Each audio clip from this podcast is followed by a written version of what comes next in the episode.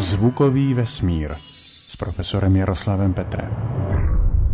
Je to už pár let, co svět zrušili ksenoboti. Připomeňme si tyhle ty malé potvůrky, které vytvořil Michael Levine na Tufts University ve Spojených státech. On je vytvořil z buněk žabých embryí, ta embrya patřila drápatce Xenopus levis, takže proto se dostal těle těm malým útvarům název xenoboti.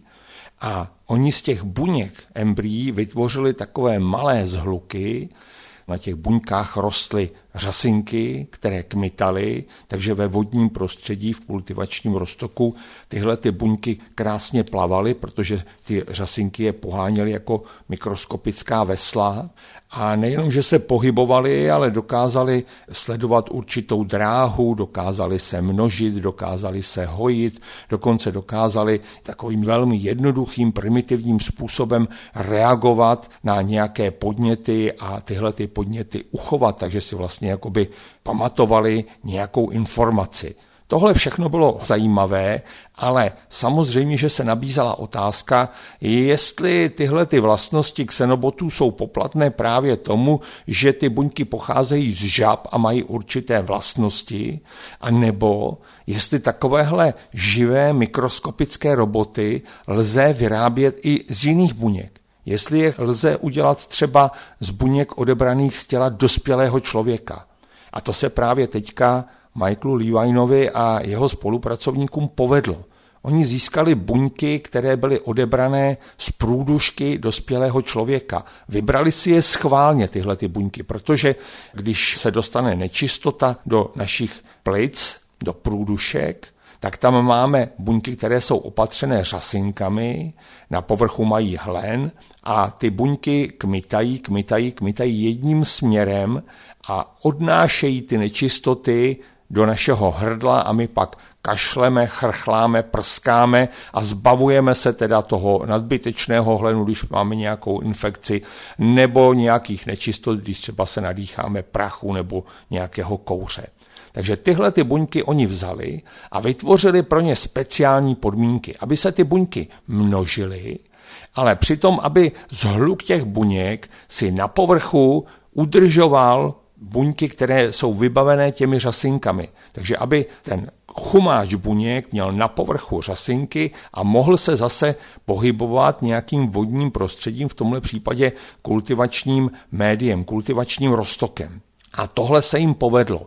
Takže oni vytvořili, říkají tomu antroboti, protože antropos je člověk, takže tihleti antroboti jsou velcí asi od 30 do 500 mikrometrů. Oni to přibližují tyhle ty rozměry, že to je od dloužky lidského vlasu až po hrot na ostřené tušky a jsou schopni různého pohybu.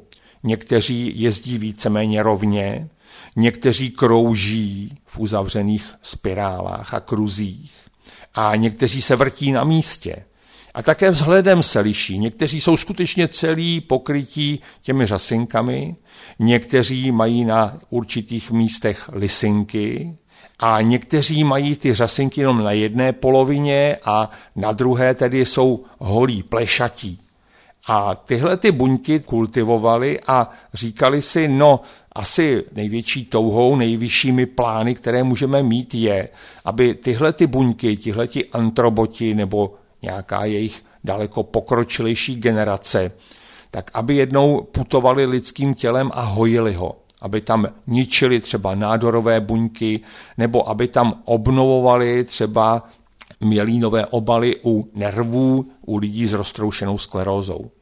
A tak se rozhodli, že to odzkoušejí. Nejdřív si mysleli, že tyhle ty buňky budou muset geneticky modifikovat, že do nich budou muset vsunout nějaký gen, který by potom zajistil produkci nějaké látky hojivé, léčivé, třeba nějakého růstového faktoru.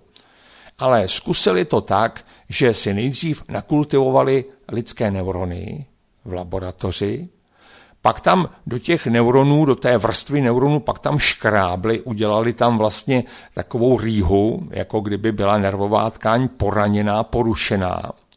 A pak to přikryli záplatou z těchto těch antrobotů. Oni si ty malé antroboty, vybrali si ty, kteří se buď vrtí na místě, anebo dělají malé kroužky, tak oni si je nahloučili v laboratoři do omezeného prostoru a vytvořili z nich takovou placku, takovou záplatu, a tuhle tu záplatu přiložili na to poškozené místo v kultuře neuronů. A tahle ta záplata tam seděla, nepohybovala se, nikam neutíkala a pod ní tedy se obnovovaly ty nervové buňky. Ty nervové buňky tam tu mezeru v té vrstvě zacelily tak, že ta zacelená část byla stejně tlustá jako ta nepoškozená. Takže zatím nevíme, jak to tihleti antroboti dělají, že jsou schopni hojit nervové buňky. To ti vědci teďka intenzivně zkoumají.